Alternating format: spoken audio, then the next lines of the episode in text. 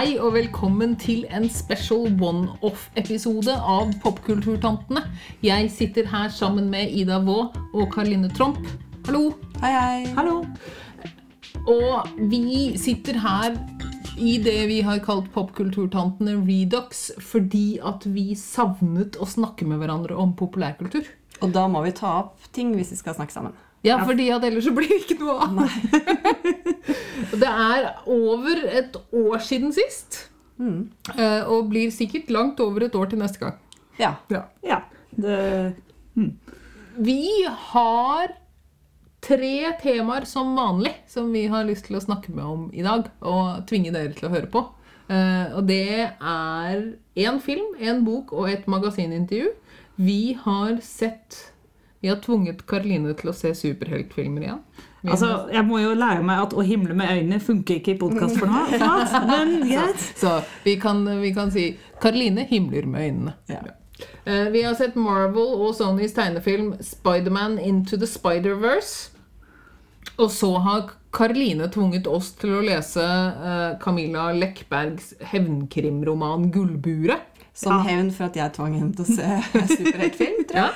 Ja. Og så har vi eh, lest Isaac Chotners New Yorker-intervju med Brett Easton Ellis. Hvor du ikke har tvunget meg, men har fått meg til å utsette meg selv for Brett Easton Ellis sin podkast, og det kan vi snakke om etterpå. Kan vi snakke om Ja, Ja. eh, etterpå. Um, så da begynner vi med Spiderman Into the Spider-Verse. Og det er ditt valg, Ida. Så da er det du som skal få lov å holde introduksjonen. Ja, for det er noe med at når man har hatt en popkulturpodkast, og så plutselig slutter med den, så skjer det plutselig det at når man sitter og ser på ting, så tenker man åh, den skulle jeg gjerne ha snakket om. Og så kan man selvfølgelig snakke om den, men det er liksom noe med å gå litt mer i dybden, kanskje. Sette til side tid. Ja. Ja. Så jeg hadde, jeg hadde noen kandidater, men jeg endte egentlig med mm, Spiderman Into the Spider-Verse. Jeg kan jo si litt om den først. Eh, de som står bak, er bl.a. de som har vært med å lage Lego Movie og 22 Jump Street, eh, enda en klassiker. Eh, regissør er Bob Perchetti og Peter Ramsey, og manuset er Phil Lord og Rodney Rotham, for de som er inne i sånt. Filmen handler om en ung, halvt svart, halvt eh, latinx-gutt i Brooklyn som heter Miles Morales. Eh, Den eh, karakteren er, eh, ble skrevet i 2011, etter at ting skjedde med den opprinnelige Spiderman. Og ja, Miles Morales går på, han bor i Brooklyn. Han går på en skole som ikke er den lokale skolen, fordi foreldrene hans håper at han skal få en litt bedre utdannelse enn han kanskje kunne få på den lokale skolen. Eh, han er jo en egentlig ganske normal eh, tenåringsgutt. eh, liker hiphop, uh, syns jenter er litt pinlige. Og en dag er han på tur med onkelen sin for å tagge litt og drive med litt graffiti. Og da blir han bitt av en edderkopp. Og hva skjer når man blir bitt av edderkopper? Da får man super, superstyrke. Ja. Ja. Eh, og det er vel eh, basically introduksjonen til filmen. Jeg Ja. vet ikke helt hvor mye vi skal spoile. Det har vi ikke blitt enige om. når jeg tenker meg om. Nei, det har vi ikke blitt enige om. Men det er jo ikke en film som er veldig lett å spoile. Nei, det er jo, sant. Jo, kanskje. ja. Hmm. Men, eh, men uansett um... Ja, Karoline sitter her og, og, og, og shrugger på skuldrene og har glemt at det syns heller ikke på podkast. Jeg må slutte med kroppsspråk. Ja. Uh, ja. Så jeg har lyst til å kanskje ikke si så mye mer, for jeg kan forklare hvorfor, litt mer om hvorfor jeg valgte filmen etterpå. For jeg har litt lyst til å høre Jeg tror kanskje jeg vet hva Karoline skal si. Hva syns du? Ja, altså Ok, det er ikke noe hemmelighet, og særlig ikke for de som har hørt på den podkasten her før, så er det jo ikke noe hemmelighet at jeg ikke har noe særlig forhold til superheltfilmer. Og at jeg ikke syns sjangeren er veldig gøy, sånn i og for seg selv. Eh, og derfor tenkte jeg å herregud, selvfølgelig må vi Altså, vi har jo vært gjennom dette her før. Eh, så jeg begynte med litt sånn eh, friskt, uh, frisk motvilje å se filmen. Men så skjedde det et eller annet som egentlig var noe annet. fordi nå hadde jeg bare bestemt meg for ok, vi skal se dette her og finne ut av det. Men jeg opplevde at jeg skjønte veldig lite av filmen og fikk veldig lite ut av det. Og det tror jeg ikke er filmen sin skyld, men det tror jeg er utelukkende min skyld. Um, og det som skjedde, var vel egentlig at etter at man hadde blitt introdusert til eh, Miles og uh, fått med seg litt av hans uh, bak, uh, bakgrunn og familiehistorie og sånt, og man kom til denne edderkoppen, så følte jeg at filmen plutselig bare rullet inn i et helt annet univers, hvor jeg ikke kjente igjen noen ting. Altså, det, der var det noen andre figurer som jeg har skjønt også er kjente for Uh, folk som har fulgt med litt på den sjangeren her. Altså, man møter jo Spiderman som slåss med Green Goblin, som jeg skjønner er noe. uh, men, men, jeg mangla litt sånn knagger og ting å holde meg fast i. Og det, minte, det, hele minte meg egentlig bare mest om den gangen jeg satt på et fly og satt på en av de der rare asiatiske filmene man aldri har hørt om, som de har på flyreiser mm. for et litt annet publikum. Og bare bli sittende og litt sånn det skjer veldig mye her, men jeg skjønner bare ikke referansene eller liksom uh, universet dette er satt inn i. Ja, det skal sies at jeg er jo heller ikke noe sånn veldig uh, Veldig Spiderman leser. Det har jeg aldri vært. Jeg tror kanskje jeg har lest to Spiderman-tegneserier eh, i mitt liv. Og så har jeg sett eh, et par av filmene, og så syns jeg ikke av, av, de nyere filmene. Uh, og så syns jeg ikke at de var spesielt bra. Uh, men jeg tror at jeg har absorbert såpass mye superheltreferanser gjennom eh, miljøet jeg har vært i, at, at jeg, jeg føler i det minste at jeg har en knagg å henge Green Goblin på. Ikke? Ja. Jeg vet at han er noe som fins. Uh, og at uh, og, og så, Sånn sett, så, så, Når du sa dette med at du, at du ikke At du, du følte at, du, at dette ikke var en film som var laget for deg, og at du ikke liksom tok noen av referansene, så fikk det meg til å innse hvor mange av referansene jeg faktisk tar uten egentlig å tenke over det. Mm. Ikke sant? Ja, for det, det det har jeg lyst til å si litt om, fordi jeg valgte denne filmen For jeg tenkte, jeg vet at Karline ikke er så inn i superheltverden. Mm. Men så tenkte jeg for meg så var denne her så frisk og annerledes mm. at jeg tenkte at den ville funka likevel. Men det, sånn som deg, deg, Ida, så sitter de referansene så i, ryggmargen, i ryggmargen at jeg, jeg, tenkte ikke på at det var referanser engang. At man faktisk liksom mistet et lag ved å ikke ta de. da. Ja, Nei, altså. og jeg, jeg, har jo Altså, jeg kjenner jo til sånne ting også. At når, altså, det, det, er ikke alltid man er helt klar over hvor mye bakgrunnskunnskap man egentlig har selv, f.eks. når man ser på en ting og bare tar og for, og for min del så fikk jeg en veldig sånn klar fornemmelse av at dette er en veldig gøyal film. Eh, fordi jeg syntes jo den så kul ut, og den gjorde veldig mange morsomme ting. Men at det var jeg som bare ikke klarte å liksom helt henge med. Ja. Ja, men har du sett de to andre som han Phil Lord altså For dette, den er jo da eh, skrevet av Phil Lord, mm. så vidt jeg skjønner. Eh, han har jo da også laget Lego-filmen. Eh, og han har laget eh, 'Cloudy with the Side of Meatballs'. Er det ikke det den heter? Um, men With a side of meatballs, ja. ja mm. Den er hysterisk morsom. Mm. Begge de to er uh, veldig morsomme filmer. Men uh, jeg ser nå at uh, nå sitter Karoline og rister på hodet og himler med øynene igjen. jeg prøver å la være, men altså Nei, jeg har ikke sett de bare.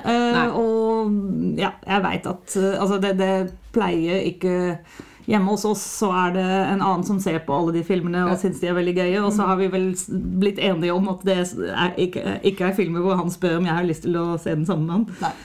men eh, det, altså, dette er bare mitt liv som snobb, kapittel eh, åtte. men, men Lego Movie har jo den samme greia med de, alle de millioner av popkulturreferansene. Mm. Det er nesten sånn at du drukner i referanser underveis der. Og så kan man, og det, det syns jeg var ekstra gøy, for jeg så det med barna, og de mm. lo av sine ting, og så satt jeg og humret av helt andre ting. Mm. Eh, og så hadde de det like gøy, begge to. Ja, og der går jo referansene i mye større grad på generell populærkultur mm. heller enn på uh, Heller enn på Spennende. Ja, superhelter generelt ja. og, og, sånne ting. ikke sant? Uh, fordi at, at, dette er jo også en veldig referansetung uh, film. Mm. men det er en referanse fordi at det, det skjønner man jo av tittelen.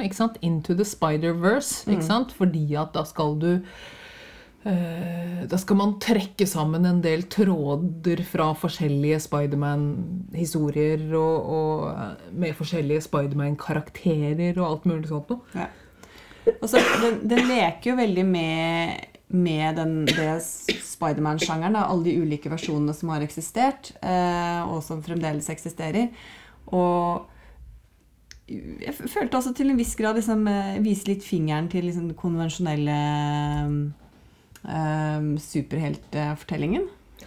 Ja, Um, den er jo det, det er egentlig i og for seg en veldig fin Segway fra akkurat det som vi snakker om. fordi at det er jo et spørsmål hvem er filmen laget for? ikke sant? I dette tilfellet så er filmen i veldig liten grad laget for deg, Karoline. Og det er jo ikke veldig rart. Eh, Nei, og det vil jeg ikke klandre den filmen for. Altså, det det syns jeg ikke den skal ta, ta seg nær av. Men det jeg syns er interessant med den, er jo at den er jo en del av en trend de siste årene på øh, å lage filmer for andre enn hvite tenåringsgutter.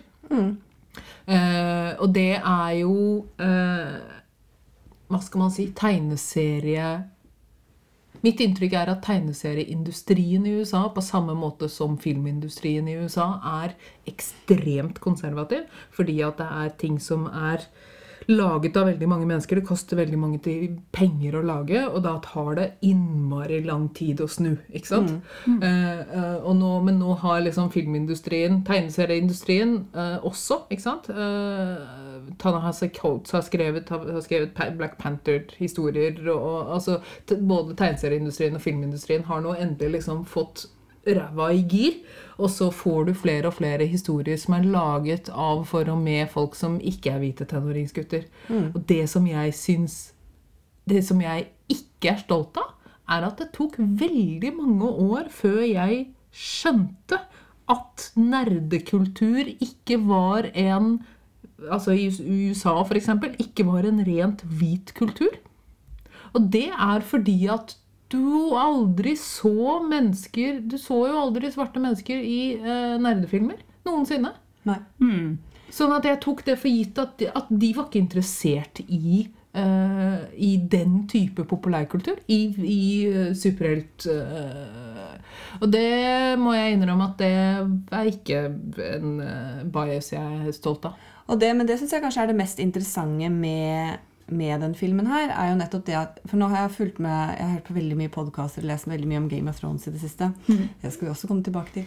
Eh, men der har også diskusjonen vært sant, med representasjonen av andre minoriteter, og du plutselig sitter igjen med særdeles få karakterer med annen hudfarge og sånn. Og så har det liksom vært litt Ja, men sånn er det jo bøkene, og sånn er jo historien. ikke sant? Mens her har man da tatt en i utgangspunktet veldig hvit historie, og så har man skrevet om, og så funker det jo helt greit allikevel. Du har jo du har Bedre. latino, svart, asiatisk Og så føles det ikke påtvunget. Det er Nei. ikke sånn påklistret eh, representasjon av alle, men det er bare det, det, det funker så innmari bra i seg selv. Og det funker i den kulturen, den Brooklyn-kulturen med den musikken som ligger i bakgrunnen. Veldig mye 90-talls eh, og hiphop der. Eh, det funker med graffitikulturen. Du får også med deg litt sånn sosiale problemstillinger med, med ønsker å gå på en bedre skole, eh, de familie, familiekonstellasjonen, forhold til onkelen. Veldig mye der. Som jeg, i hvert fall for min del, syns fløt helt naturlig gjennom hele filmen. Ja. Og som jeg tenkte det beste argumentet mot alle som sier ja, men boken var jo skrevet om hvite middelklassemenn, så da må vi jo liksom fortsette. Så jeg tenker det. Funker helt fint. Det bare snu det opp ned. Og så kan du si at, at det er kanskje en spesielt passende i uh, Spiderman, som jo er liksom den urbane superhelten. Ikke sant? Han uh, Hva heter han for noe? Supermann er jo Ja, for det første så er han alien, men for det andre så er han liksom fra et jorde i Ohio et eller annet sted. Um, Ja. men Spiderman er jo New York. Batman er jo uhøvelig rik. Det er litt sånn poenget med Batman. Men eh, ja. Ja. Jo, ok. Ja, men, men hvorfor ikke? Hvorfor kan Ja. man ikke prøve å snu litt på ting, og så trenger man ikke være så bundet av hvordan historien egentlig var? Altså, nå, mulig jeg bare har oversett det, men jeg kunne jo egentlig trodd at en sånn type film som dette her ville møtt veldig mye motbør. Eh, nettopp fordi den gjør noe såpass annerledes. Men jeg har ikke noe inntrykk av at den har det. Jeg tror den sånn jevnt over og brett, ganske bredt har fått eh, en god tilbakemelding. Mm, jeg leste i hvert fall fordi jeg prøvde jo å få litt hjelp uh, inni, inni denne filmen og prøvde å lese en del anmeldelser. De hjalp ikke så veldig mye, fordi anmeldelsene syntes jeg var like uforståelige som, uh, som det jeg ikke skjønte i filmen, men jeg skjønte i hvert fall at de var veldig positive. Og det jeg jo kan si, altså nettopp fordi jeg ikke har noe bakgrunn fra den, eller ikke kan den historien her fra før, så var det i hvert fall ingenting i nettopp det, det diverse og urbane miljøet og måten det ble gjort på, som slo meg som noe som helst uh, rart med det. Eller det, det fungerte helt uh, strålende, syns jeg. Og så en annen ting som jeg jo ble sittende og bruke litt tid på, er for, uh, egentlig litt sånn av rein nød, var jo bare å se mye på det visuelle i filmen. Fordi den er jo helt slående. Fantastisk Eh, gjort. Altså, de, har, de har jo utrolig mange tegneserieeffekter, på en måte, i mangel av et bedre ord, i den, uh, i den digitale animas- animasjonen. Og det ser rett og slett veldig, veldig kult ut. Jeg synes innimellom, altså Jeg er sikkert sånn 100 år gammel uansett, eh, så jeg syns innimellom det ble litt vel hektisk med effektene og liksom effekten og musikken og veldig mye fargegreier som da skulle være noe sånn kvantumfysiske dings. Men, men overall så syns jeg jo det var veldig gøy med den filmen. Og det er også en ting jeg har notert meg, fordi jeg har jo sett eh, Wonder Woman Ja. uh, sammen også. Uh, I kategorien uh, superheltfilmer Karoline er- gikk til med, med litt skepsis.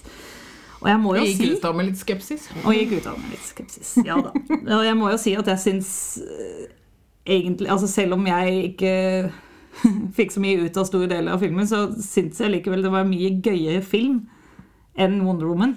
Fordi den var mye mer leken, og den, tok ikke, den var ikke så det var jo mye humor. Ja, Ja. det var jo humor i Wonder Woman også, men samtidig så var det veldig sånn tung i sessen på hvor, konflikten lå. og Det var nazi, altså det var litt sånn nazister, og verden eh, går under, og litt sånn ondskap og ditt og datt. Ja. Og en sånn veldig kjedelig lang slåssescene på slutten der det også var veldig dystert. Uh, husker jeg. Og den her var jo ikke dyster. Nei, Den var jo- gikk jo veldig tilbake til på en måte tegneserierøttene, følte jeg. Ja. Eh, også med, tanke, altså med skurken eh, er en veldig tegneseriete skurk. Mm. Eh, uten at det blir sånn der, den der 60-talls eh, som kanskje ble liksom parodisk i seg selv. Eh, men jeg likte også veldig godt altså, det du sier, det visuelle og, og humoren. Og kombinert med musikken. Så synes jeg alt det, det fungerte også veldig bra. Eh, og det var, det var gøy å se på. Og helt selv om den på en måte tok for seg Det var jo en del triste ting. Så ble den aldri tung. Nei. Ikke sånn sirupstung.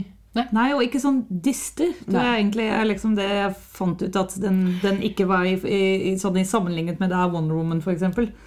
Den var Ja. liksom hele tida litt sånn leken i, i formen og stilen og det som, det som skjedde. Og Det er jo forskjellen på Marvel og DC-filmer.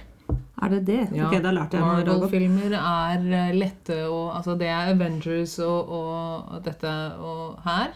Uh, og de er humoristiske og lette og morsomme. Og DC-filmer, de, det er uh, Batman og Supermann og Wonder Woman. Og de er uh, fulle av patos og skjeggstubber.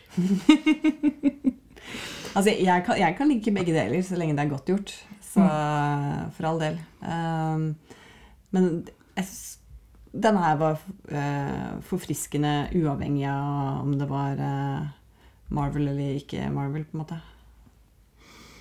Ja. Ja, da kanskje vi skal eh, gjøre den raske lille runden. Ville man anbefalt den eller ikke? Og du ser på meg. Jeg ser er det er ganske åpenbart at jeg absolutt anbefaler den, men da kanskje med et lite forbehold om hvis du ikke er inne i dette universet i det hele tatt. Altså. Nei, jeg syns du skal se den uansett. Jeg. Altså, hmm, jeg er litt, eh, jeg er litt dobbel der, fordi altså, jeg fikk jo til slutt Altså, jeg sa jo ganske mange positive ting om den likevel, men det er jo helt sikkert at hvis jeg hadde begynt å se den filmen og ikke skulle snakke om den med dere, så hadde jeg jo ikke sett den ferdig. Fordi det var lange to timer, syns jeg. Eh, så selv om det er en film med høyt tempo, så det Nå er det Ida som himler med øynene. Ja, og det er sikkert helt med rette. Så ikke, ikke se den hvis du er som meg, eh, er vel egentlig anbefalingen. Ja. Eh, ja, hvis du er som meg, så kan du gjerne se den. Uh, den er slående vakker. Det er fin musikk. Det er uh, en morsom historie. Og ja, jeg syns Phil Lord er en innmari flink manusforfatter, rett og slett. Så jeg vil anbefale å se alle filmene hans. Ja. Ja. Da skal vi videre til um, gullburet. Ja, da skal vi videre til det jeg prakka på dere. Eh, fordi det som skjedde Jeg kan jo skrive under på det Ida sa i stad, om at når man har slutta å lage den podkasten her, så dukker det opp ting overalt som man har lyst til å diskutere. Eh, og en av de tingene, det var en bok jeg fikk uh, i fanget før påske med beskjed om jeg ikke kunne anmelde den til Bokmagasinets krimnummer, uh, som da skulle ut i påske, selvfølgelig. Og det var da en bok av Camilla Lekberg, som er kjent som sjølveste krimdronninga i Sverige. Har solgt millioner av bøker. oversatt til Den skal visstnok være utgitt i 60 land, ifølge hennes egen nettside. Og boka heter da altså på norsk 'Gullburet' og handler om Faye. Som eh, er da den lille lerkefuglen her som sitter i bur. Mm. Hun er gift med Jack Adelstein, en eh, steinrik forretningsmann, og har et barn sammen med han. Eh, Og vi befinner oss i Stockholms fiffemiljø, eller forretningsmiljø, hvor alle, altså hvor status og penger og utseende er absolutt alt. Og ifølge Og Faye har jo internalisert ganske mye av dette her, fordi hun mener jo at alle vil være som henne, egentlig, når vi møter henne tidlig i boka. Mm. Hvor hun bl.a. er på en butikk eh, og ser på kassedamene, og tenker da ved seg selv eh, Det er unge kvinner som ville gjort hva som helst for å bytte plass med henne. I deres verden hadde hun alt. Millioner i banken, status, en mann som garanterte hennes plass i hakkeorden. Ja, altså det, det, det, altså, det, er- sånn den boka er. Vi, ja, vi kommer tilbake til det. Men samtidig så blir det jo veldig fort klart, omtrent fra side 1 til for leseren, at dette ekteskapet er jo helt grusomt. Han Jack er jo det man vel kalte en hustyrann før i tida. Han eh, terroriserer Faye. Han uh, sier at hun ikke får lov til å jobbe. Uh, fornedrer henne for alt eh, mulig. skjelle henne ut foran folk. Og han er ikke særlig interessert i dattera heller. Eh, og det topper seg med at han da eh, tar At Faye en dag kommer hjem og ser at han tar finanssjefen eh, bakfra på ektesenga. Da er det nok, selv for eh, Faye, som har svelget ganske mye opp gjennom årene. Eh, så da går hun, eh, og da, fra da blir boka en historie om hevn. For hun, eh, hun stikker fra dette ekteskapet og må finne opp seg selv fra bånn. Det er grenser for hvor mye vi skal si, kanskje? Nei, Nei, Nei, nei, altså, nei, nei, her vi har vi fortsatt uh, Fordi den hevnen Altså, jeg kan jo Jeg jeg skal ikke avsløre alt om hvordan hevnen tar form, men det vi må si litt om, er at en av de tingene hun gjør, er å bygge sitt eget forretningsimperium. Ja. Uh, fordi det vi også får vite, uh, ganske tidlig i boka egentlig, at Faye er veldig smart. Hun var like god på han, eh, hva er det, Det handelshøyskolen. Camilla Lekberg prøver å få oss til å tro. Ja, nemlig. Faye er veldig smart. Faye er et uh, forretningsgeni som har blitt knekt eh, eh, av den eh, Jack. Og, he, og hun har i tillegg da en ganske mørk fortid, som vi også får vite noe om etter hvert. Så hun avslører seg som en ganske hensynsløs og kalkulerende og, eh, og linintelligent um, Ja, hva skal man si uh, Heltinne. Uh, Omtrent like gæren som mannen sin. ja. Ja. Og det som hun da gjør, altså det som er hennes kongstanke og genigrep, er å lage et merke med skjønnhetsprodukter som hun kaller Revenge. Og det markedsføres til kvinner eh, i samme segment som henne, i utgangspunktet. Som da viser seg å ha alle sammen samme erfaring med mennene. Fordi alle menn er noen svin i denne, denne framstillinga. Alle kvinner vet hvordan det er. Og så kommer det et logisk eh, Altså, jeg vet ikke, så, så skjer det et eller annet som jeg ikke har fått til å forstå, men måten disse kvinnene da endelig kan ta hevn på overfor disse mennene, er ved å kjøpe disse parfyme- og skjønnhetsproduktene til Faye. Eh, ja. Fordi dette selges nemlig inn som en sånn slags feministisk eh, frigjøringshistorie, og det har jeg enda et sitat som jeg bare må lese kort av. Eh, fordi det, dette tar jo av. Og da står det unge kvinner sto i kø utenfor værhusene for å få tak i det Revenge-produktet som inneholdt budskapet om søsterskap fra deres spesielle idol. De nådde plutselig nye målgrupper. Innenfor sitt eget begrensede universum hadde de skapt en følelse av revolusjon. ja. Ja, Denne boken skaper ikke en følelse av revolusjon. Kan jeg bare begynne, eller? ja jeg tenkte at det var et godt eh, tidspunkt å liksom begynne. Fordi det er mye å ta tak i her. Eh, hvor ville du begynne? Ida? Jeg ville begynne med at Faye jo veldig tydelig heter Faye fordi at hun skal være oppkalt etter Faye Weldon, regner jeg med. Eh, forfatteren av En hunddjevels bekjennelser. eh, sånn apropos hevnromaner. Eh, og da jeg var ung og leste En hunddjevels bekjennelser for første gang, så tenkte jeg at dette var dårlig litteratur, og, og jeg hadde fått høre fra alle menn i mitt liv at Faye Weldon var splitter gæren. Men, det vis, men hun er jo faktisk en ganske god forfatter. Ikke sant? De, de, hennes bøker er, go, er gode. De um, Karakterene hennes er sammenhengende. Uh, I motsetning til uh, da Faye Adelstein, eller hva hun skal hete her, uh, som jo jeg ikke klarer å få til å bli en hel karakter. Altså, hun har helt sånn umotivert Helt umotivert så foretrekker hun uh, Hun foretrekker Dolly Parton til Whitney Houston. Uh, Det er det du henger deg opp i? jo, men altså, det, det kommer fra ingensteds. ikke sant? Det er tydeligvis at forfatteren har bestemt seg for at Dolly Partons versjon av en sang er bedre enn Whitney Houstons, og dermed så er det sånn at karakteren også skal mene det. Uh, og så eh, hun, hun er rett og slett bare ikke troverdig som et helt menneske. Altså, vi, vi får, får høre at hun skal være så smart. Hun virker jo ikke veldig smart. Um, hun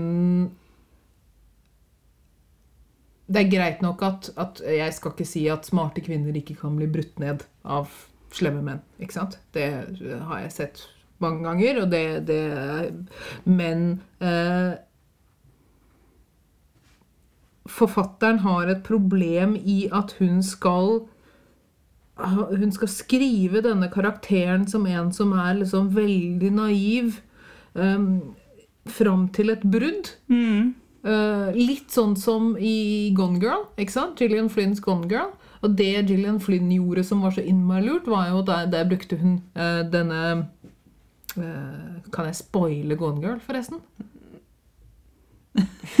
Godt spørsmål. Ja. Nei, men Eh, Brukte hun en, en, en eh, dagbok, ikke sant? Eh, som et device for å få til dette. Å få til dette bruddet.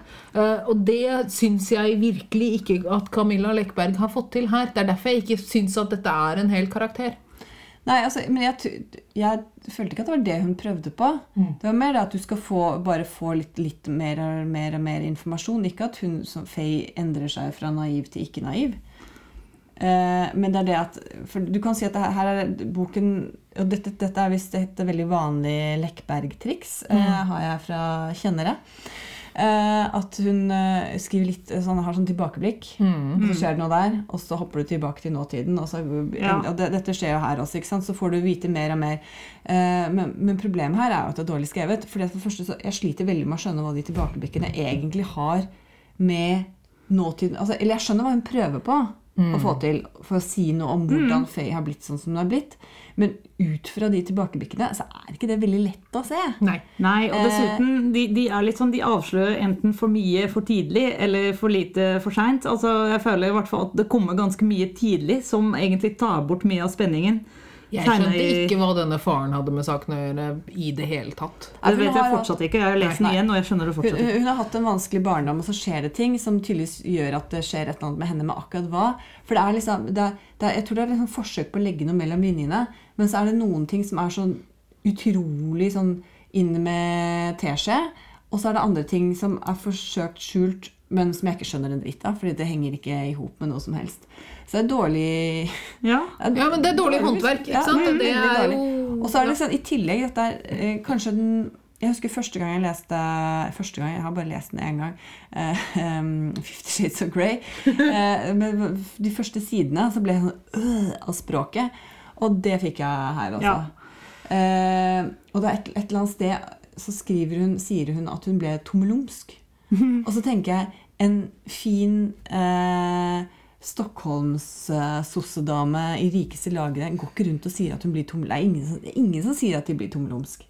Nei. Jeg har også Og det- skrevet i notatene mine at dette er mer som å lese den indre monologen i Fifty Shades of Grey. Ja, det er dette der. Men apropos det du sa i stad, Ida, om, om, om dette med vold Altså, vold i hjemmet er jo et tema her. Og det Altså Jeg har jo anmeldt denne boka og trukket fram noen ting som jeg syns var spesielt latterlig. Og vold i hjemmet er jo ikke latterlig. Og det er jo heller ikke Altså, det er jo ikke pent å le av en framstilling av folk som virker litt svakere enn det de egentlig er. Nei, men fordi- det vi ler av, er en, eh, en dame som prøver å tjene penger på fremstilling av vold i Ja, men nå hjemmet. må du høre Ja, det er jo en av tingene vi ler av. Men eh, nei, det jeg ville frem til, at det som irriterte meg med dette, er at hun tar jo ikke de folka hun prøver å skrive om, seriøst. Mm. eh, Et eneste sekund. Altså, hun prøver jo faktisk ikke å skildre et, et Altså, hun, hun får dem ikke fram som hele mennesker, som du sier. Altså, fordi Hvis du tror Faye er ille, så alle de andre personene i boka er jo papp. Det er virkelig ikke noe annet enn pappfigurer. Det var veldig interessant, for jeg så Jeg binsja nemlig Quicksand, den svenske serien som går på Netflix, samtidig som jeg leste den boka her. Og de er jo satt i nøyaktig samme miljø. Altså sånn ekstremt rike Stockholmsmiljø. Eh, og da og, ja, Nå må jeg si at Quicksand har noen hull, den også. Men klarer jo å, å fremstille de, de problemstillingene som Camilla Lekberg prøver å komme fram til, på så utrolig mye bedre måte. Altså Der er jo er noen par pappfigurer der òg, men i hvert fall hovedpersonene har så mange flere lag. Og du selv om den i Quicksand så utfører den ene hovedpersonen noe som er vanvittig uforståelig. Ja, det vet man jo egentlig, så kan jeg si at han, han, han skyter sine medelever. Og så skal man liksom prøve å gå litt tilbake og finne ut av det. Men, men allikevel, så den oppbyggingen av han som karakter syns jeg er mye mer eh, realistisk og forståelig enn det som skjer i denne boka her. For her, også Hvis du i tillegg tar med i, i gullburet Ta med deg slutten, som jeg ikke skal si. Nei, men den hjelper ikke. Den er bare Den er så på trynet. Nei, Og det er så usannsynlig. Og det er bare eh, Det er greit at du har glemt det. Fordi at, men så bare velger du den mest absurde slutten av de alle, liksom. Som bare på in, i, ingen verdener, ingen liksom eh, ville fungert. Mm.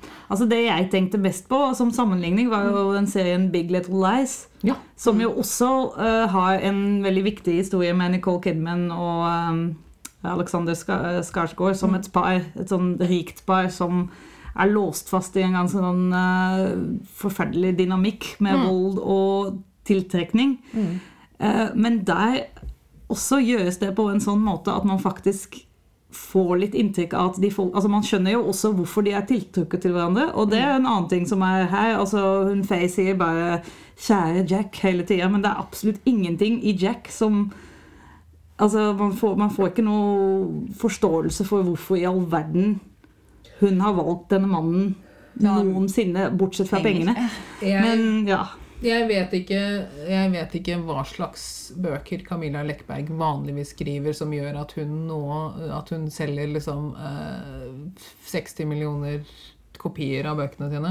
Eh, hun virker jo som hun er litt sånn Sveriges Dan Brown. Eh, men hun har tydeligvis her forsøkt seg på å skrive en psykologisk thriller. Og det funker veldig dårlig hvis du ikke kan noe om psykologi. Men den er jo ikke spennende heller.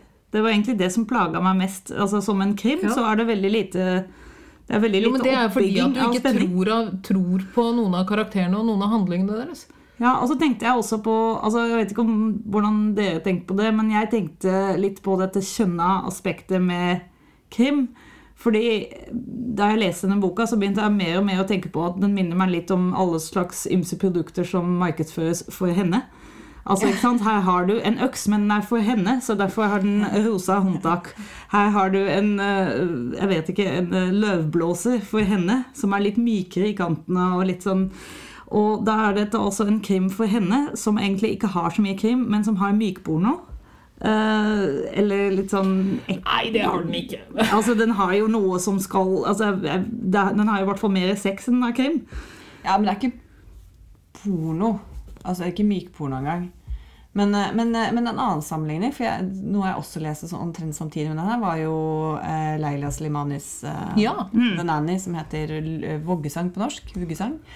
Eh, de, åpningen av denne boken og åpningen av eh, Vuggesang er jo ganske likt. Ja. Eh, med barn som er døde. Mm.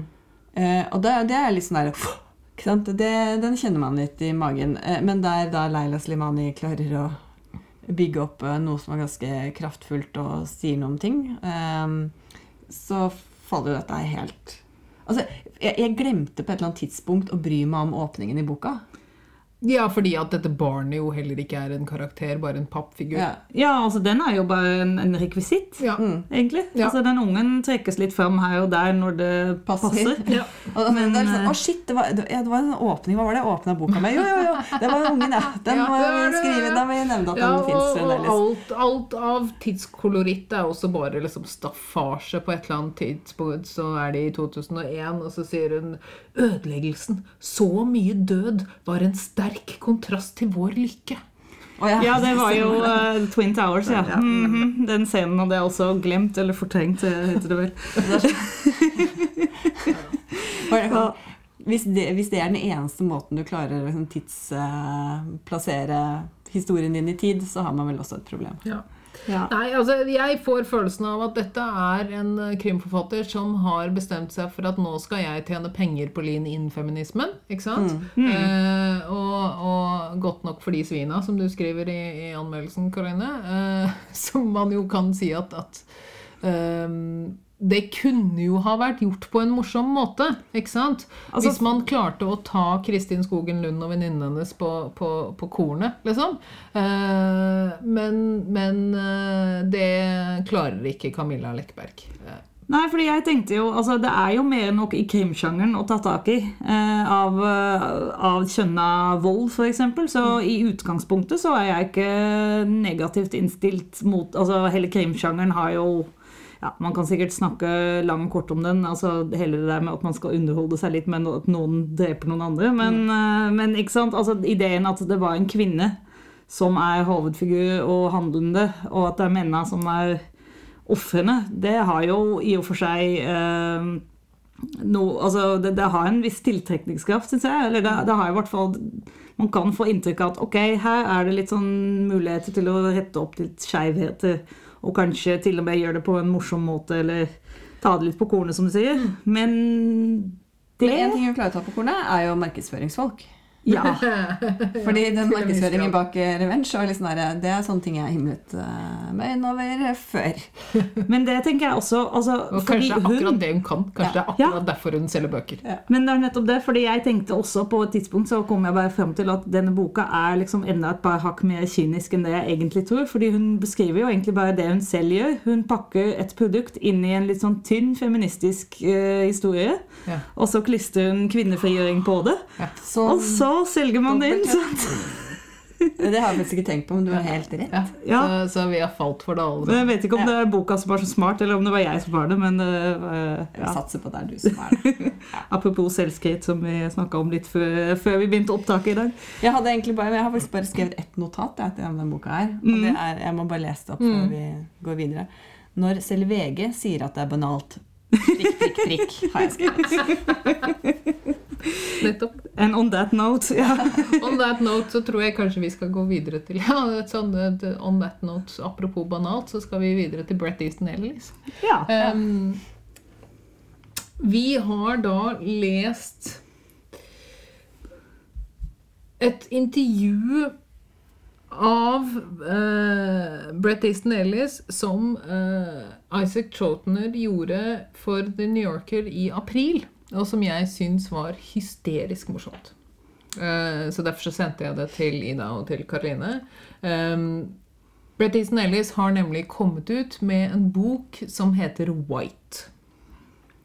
Eh, og det kan man jo spørre seg om hvorfor han har gjort. Eh, intervjuet heter Brett Easton Ellis 'Thinks You're Overreacting to Donald Trump'. Og det er det han egentlig eh, prøver å si med boka 'White' også, tydeligvis. Ja, jeg vet ikke hva, hva, hva syns dere om Altså fordi at jeg har ting jeg kan si om den sjangeren med intervjuer. Og hvorvidt jeg syns at de er etiske eller ikke. Eh, men eh, jeg har lyst til å høre hva dere syns først. Ja, jeg hadde også litt lyst til å si noe om det, men vi kan jo eh, Jeg kan jo ta det litt kort først. Fordi jeg mente i hvert fall at mens jeg, etter at jeg hadde lest dette intervjuet, også, også en anmeldelse av boka som slakter den, eh, som var veldig, veldig morsom lesning, Ja. begge deler, så fikk jeg likevel en litt sånn gnagende følelse av at jeg kanskje burde eller også bare en nysgjerrighet etter å finne ut hvor ille det egentlig kunne være. Og en slags følelse av at jeg burde kanskje få vite litt mer om hva dette handler om, før jeg ukritisk sluker perspektivet til intervjueren og uh, anmelderen. Sånn, fordi det er så veldig utvetydig. bare sånn det høres så for jævlig ut, den boka. Og han kommer så dårlig ut av det intervjuet, og han virker så dum. Eh, bare så stokkdum og usympatisk og kjedelig. At jeg tenkte at nei, jeg må nesten se dette for meg selv. Før jeg, jeg, vil, til å si, jeg har lyst til å gå litt tilbake. Ja. Fordi Brett Easton eh, Jeg klarte ikke å si navnet hans. Han Brett mm. var jo eh, en slags superhelt på 90-tallet. Da han- Altså, jeg leste American Psycho, og jeg leste Glamorama eh, av han. Og han eh, skrev om eh, Jeg syns han skrev noe dypt og godt om eh, det samfunnet da. Og masse sprengstoff i det han prøvde liksom, En slags sånn kommentar til overfladiskhet og materialisme og alt mulig.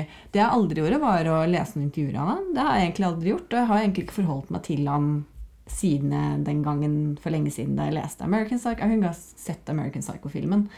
Uh, uh, så, men så når jeg da leste det intervjuet du sendte til meg nå, så tenkte jeg Shit, han har jo blitt Han er jo de menneskene, eller om han blitt, eller om han er de menneskene han har skrevet om. Han, Det er nettopp det, Det er fordi at jeg sant. leste jo også uh, American Psycho og Glamorama og Less Than Zero og sånne ting når, uh, da jeg var ung. Mm. Og så tenkte jeg åh, dette er briljant satire. Ja, ja. Eh, nettopp. og, så når jeg, og så har jeg eh, egentlig eh, levd de siste 20 åra med å tro at Brett Easton Ellis er en briljant satiriker. Eh, og så leste jeg dette intervjuet, og så tenkte jeg å nei, han mente det. Ja, fordi det er ganske fascinerende hvor lite Altså, det er jo null humor eller selvironi eller noen ting å spore i det intervjuet. Og jeg syns også at øh, det gjorde han ganske mye mer, mindre interessant som forfatter å lese dette intervjuet, fordi det virka så tomt, hele greia. Han havner i en sånn slags munnhuggeri med, med intervjueren, og så vil han egentlig ikke snakke om noe av det han har skrevet bok om, fordi han sier at det egentlig er helt uinteressant, eller at han, han er ikke interessert i politikk, sier han f.eks. Ja, for det det han sier. I don't know, I'm not that interested in politics. I'm not that interested in policy. What I was interested in was the coverage. Og så blir jeg sånn der, men du, prøver, du går liksom hardt ut og anklager folk for å være for sinte på Trump, men så nekter du å diskutere politikk, for du sier at du ikke er politisk. Ja. Det er bare sånn, det går jo ikke an å si. Vi kan si litt om hva til, til de som ikke har lest dette intervjuet. Eh, Det er veldig raskt å lese, så man kan egentlig bare gå inn på New Yorker og gjøre det. Vi legger vel ut en lenke, tenker jeg. Ja, det skal vi også gjøre. Eh, Men det er ehm, Det Chotiner gjør, som jo eh, avkler Easton Ellis fullstendig, er å bare ta ham på ordet og nekte å la ham slippe unna med eh, tull. Ikke sant? Fordi at, at uh, han sier Han kaster ut litt sånn halv-ambiguous, halvseriøse eh, provokasjoner. Det er trolling, ikke sant? Trolling. Og så sier, og så sier Chottener ja, men mener du at Trump ikke er rasist, da?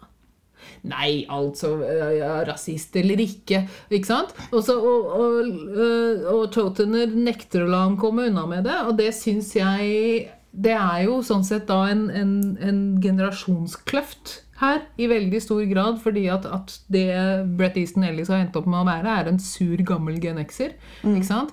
Som bare sitter og roper til skyene at han, han syns det er innmari dårlig gjort at alle skal drive og bry seg om politikk, plutselig. Um, Jeg lurer på om vi har noen sånne i Norge også. jeg lurer på liker Rolles. Ja. Ja. Mm. Men eh, Nei, altså Jeg leste jo da dette intervjuet, og så tenkte jeg ok, jeg må nesten vite litt mer om hva dette handler om. Så jeg begynte å høre på altså Brett Easton Ellis har hatt en podkast om film. Som jeg har skjønt er litt utgangspunktet for den eh, essaysamlinga som han har gitt ut nå. Bloggsamlinga. Eller bloggsamlinga, eller rant-samlinga, eller hva det nå er. Uh, og så hørte jeg både på en halv podkastepisode, og jeg leste et utdrag av boka som var trykket i LA Magazine. Uh, og det var en selsom opplevelse. Altså, det var det, det som er så fascinerende med det, at han har jo nå blitt uh, kommet mye i nyhetene med denne boka her fordi han angivelig kommer med noen sånn bold statements om generasjon, altså om millennials og liksom skal være så pro provokativ. Trophies. Ja. Ja, og, og offerkultur, uh, nymoralisme, alle de der stikkordene som man jo kjenner igjen fra 10 000 andre grupper som også har tatt opp dette her i det siste. Så det var det første at jeg tenkte at dette er jo dypt uoriginalt, fordi Ja. det er jo mange som sier akkurat dette. Men så framfører Brett Easton Ellis dette som om han er den første, det første mennesket i verden, eller det eneste mennesket i verden som, egentlig, som faktisk står opp mot denne skadelige trenden og kan øh, avkle dem. Og for det andre så kommer han jo aldri til poenget. Han, altså Både i den teksten jeg leste og den podkasten, så bare begynner han å si et eller annet, og så kommer det en anekdote. Og så begynner han å snakke om en gang han la ut noe på Twitter, gjerne med liksom eh, dag og tidspunkt. Og begynner å legge ut i det vide og det brede om hvordan det blåste opp, og folk ble sinte på han, og så kom det en fyr som ville skrive om han et eller annet sted, og så hadde de en middag, og så Og han bare Altså, det er så grenseløst uinteressant, men samtidig nesten litt interessant å se hvor utrolig Altså hvor mye han tror at man er interessert i å høre på han fortelle om sitt veldig kjedelige Ja, liv. Hvor han i tillegg er sur på alt og alle. Akkurat det som Andrea Longchu skriver i den anmeldelsen som jeg også sendte dere, som, som er en anmeldelse av White, hvor hun skriver at, at det som altså, Selvfølgelig er Brett Easton Ellis egentlig, altså, som oss alle, vokst opp i et rasistisk system og dermed blitt rasist. Eh, og, men det er ikke egentlig det interessant, ikke sant? Fordi at først og fremst så er han bare kjedelig. Han er kjedelig og grenseløst selvforelska. Ja. Og jeg vet Altså, jeg bare ble litt sånn Ja, men jeg skjønner jo det. Han har jo blitt, uh, i sin tid i hvert fall, feiret som en, uh, et geni. Ja. En satirisk geni. ja, Men altså, også av et par av oss rundt bordet her. Så, så, så da, det, det, da følger det jo en viss selvtillit med, da.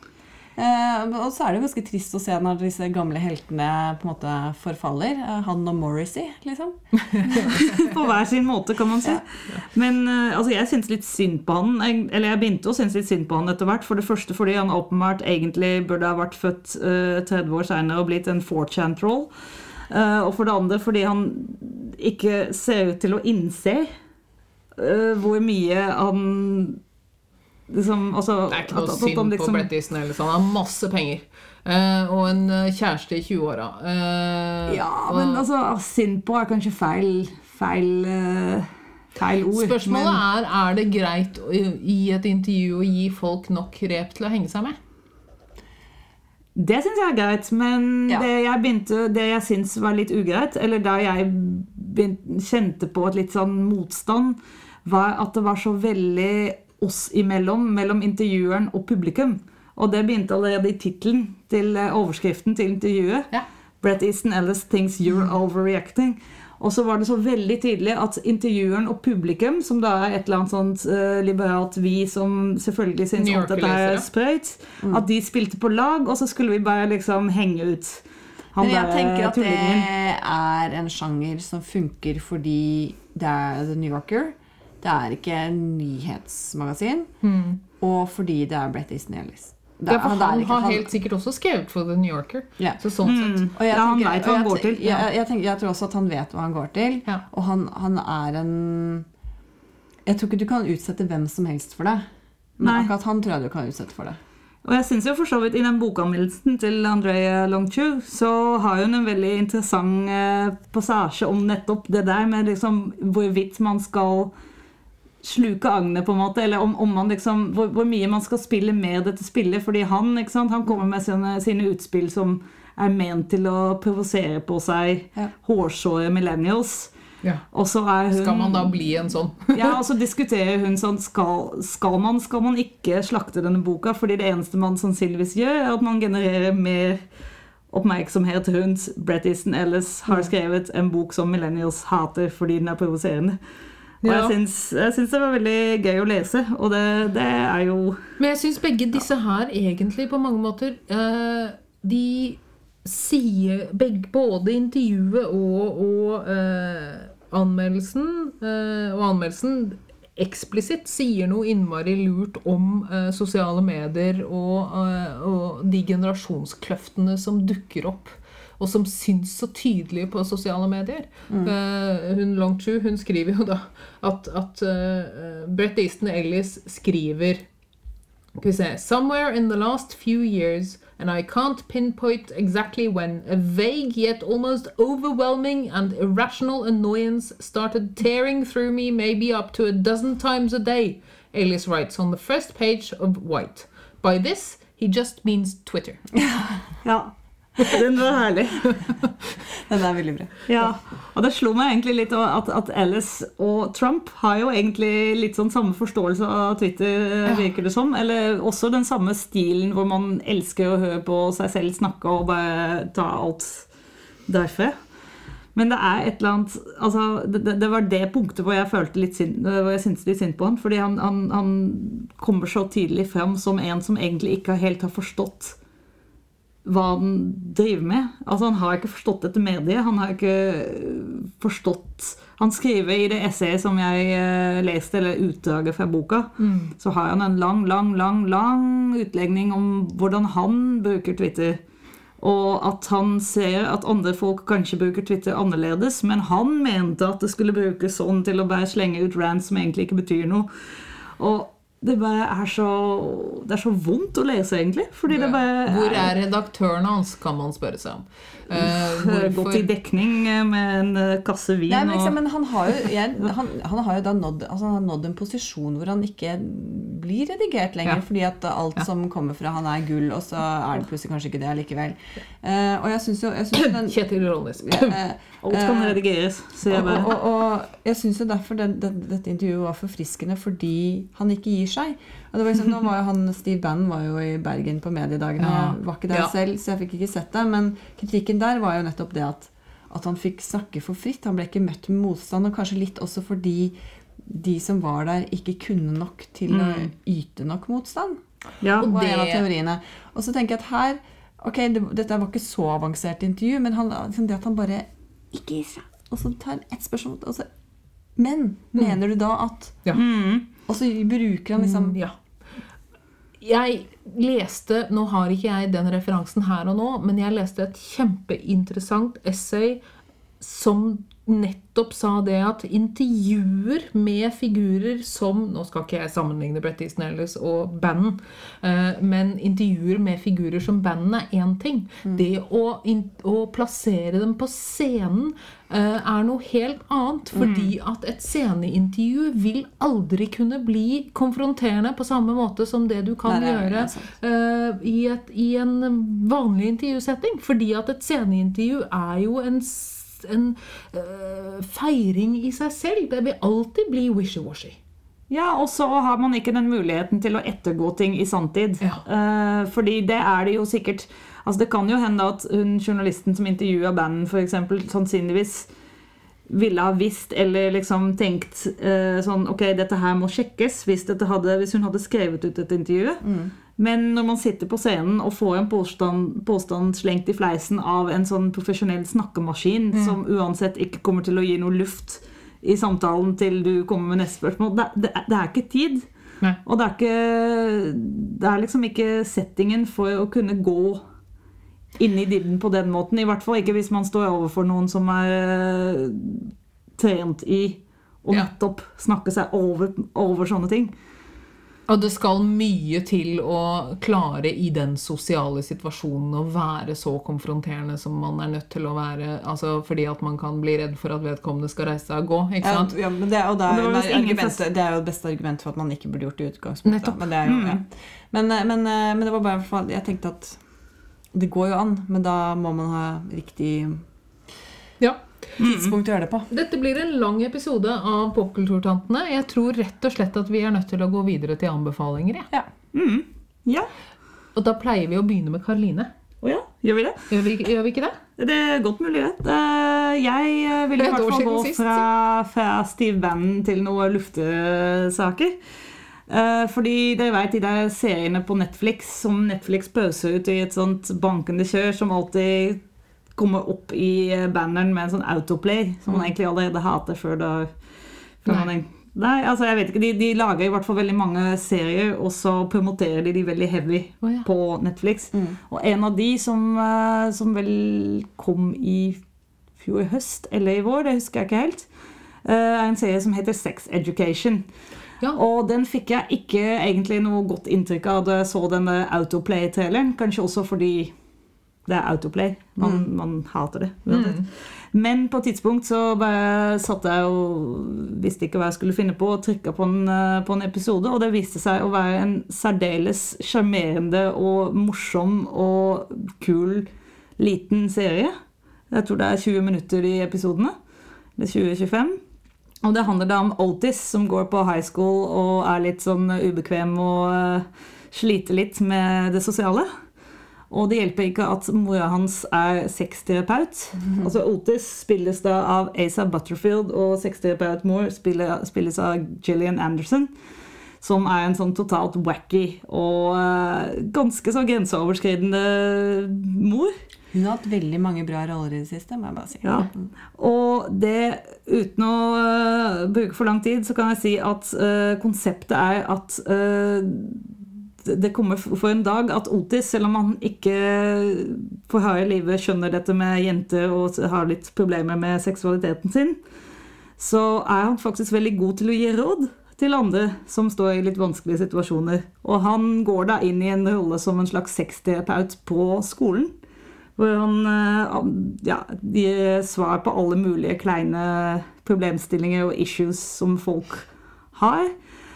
Og det høres Eller jeg vet ikke hvordan det høres ut, men jeg syns i hvert fall det hørtes litt sånn kleint ut, og ikke så gøy. Men det er et eller annet med skuespillerne og hvordan de eh, Den kjemien de har seg imellom, og også måten Den er ganske eksplisitt, serien. Så det er ganske mye sånn flaue og den er, det er kleint, men gøy. det er kleint, men gøy.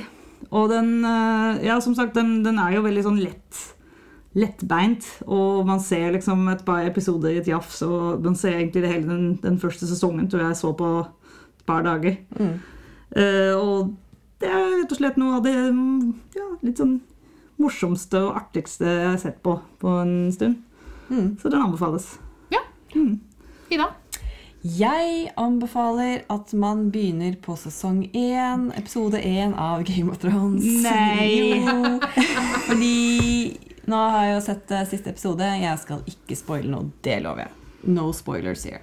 Uh, og så har jeg jo hørt på podkaster etter hver episode hele veien for å høre analyse av hver episode. Jeg har vært på Reddit, jeg har lest teorier, jeg har selvfølgelig lest alle bøkene, venter spent på de siste bøkene, diskutert med venner, folk i lunsjen og liksom Men så er det, det er så mange, det er så mange karakterer, det har vært så mange frempek som man har fulgt med på og sånn. Så jeg tenkte så gøy å se når man har sett alt. Nå vet jeg hvordan serieskaperne ville få det til ende. Og begynne helt på nytt igjen og se alt sammen en gang til. Bare for å få se det i sammenheng. Og nå får jeg også anledning til å binge det, fordi eh, jeg har jo sett det i real time holdt jeg på å si, hele tiden, så jeg har bare sett én og én episode som måtte vente en uke. Men nå kan jeg liksom se flere episoder i strekk. Og da blir det kanskje sammenhengende. Ja. Ja, og Da blir det sammenhengende, og jeg har fått med meg så mange morsomme detaljer. Og nå kan jeg si sånn Å, der! Oh, så det er hele tiden Jeg ser, ser på dette alene, så jeg kan det. um, jeg har ikke så mye mer å si enn det, egentlig. Men uh, skru tilbake. Sesong én, episode én. Det er verdt det. Jeg og mannen min passet jo på å gjøre det sånn at vi kunne binge siste sesongen. Altså, vi, vi passet på å ikke se, sånn at, og så så vi da tre og tre episoder av gangen. Mm. Uh, så vi måtte, vi måtte liksom holde oss for ørene i noen dager uh, etter siste episode. Ja, det tok jeg ikke sjansen på.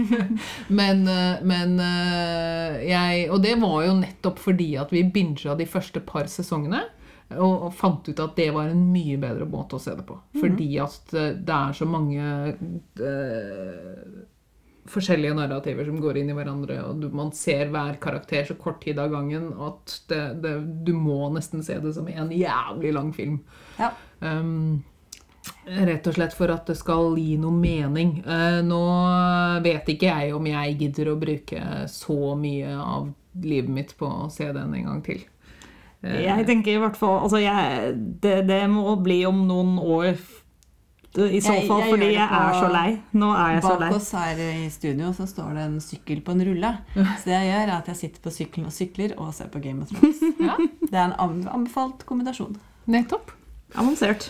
Det er avansert. Jeg skal ta opp tråden litt på, på 90-tallskultur og, og, og mm, kvinnesentrerte lean in-thrillere, i og for seg. Eh, fordi at jeg har begynt, jeg har begynt å se på en annen Netflix-serie eh, som også har vært eh, heavily eh, advertised. Eh, og den heter What If.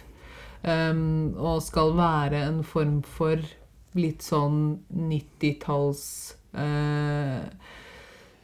90-talls um, inspirert erotisk thriller, men den er bare ikke erotisk på en flekk. Så det er ikke Det er virkelig ikke anbefalingen, men det jeg anbefaler, er et essay eh, i Longreads av Soraya Roberts, Uh, som, som eh, er en reaksjon på denne serien.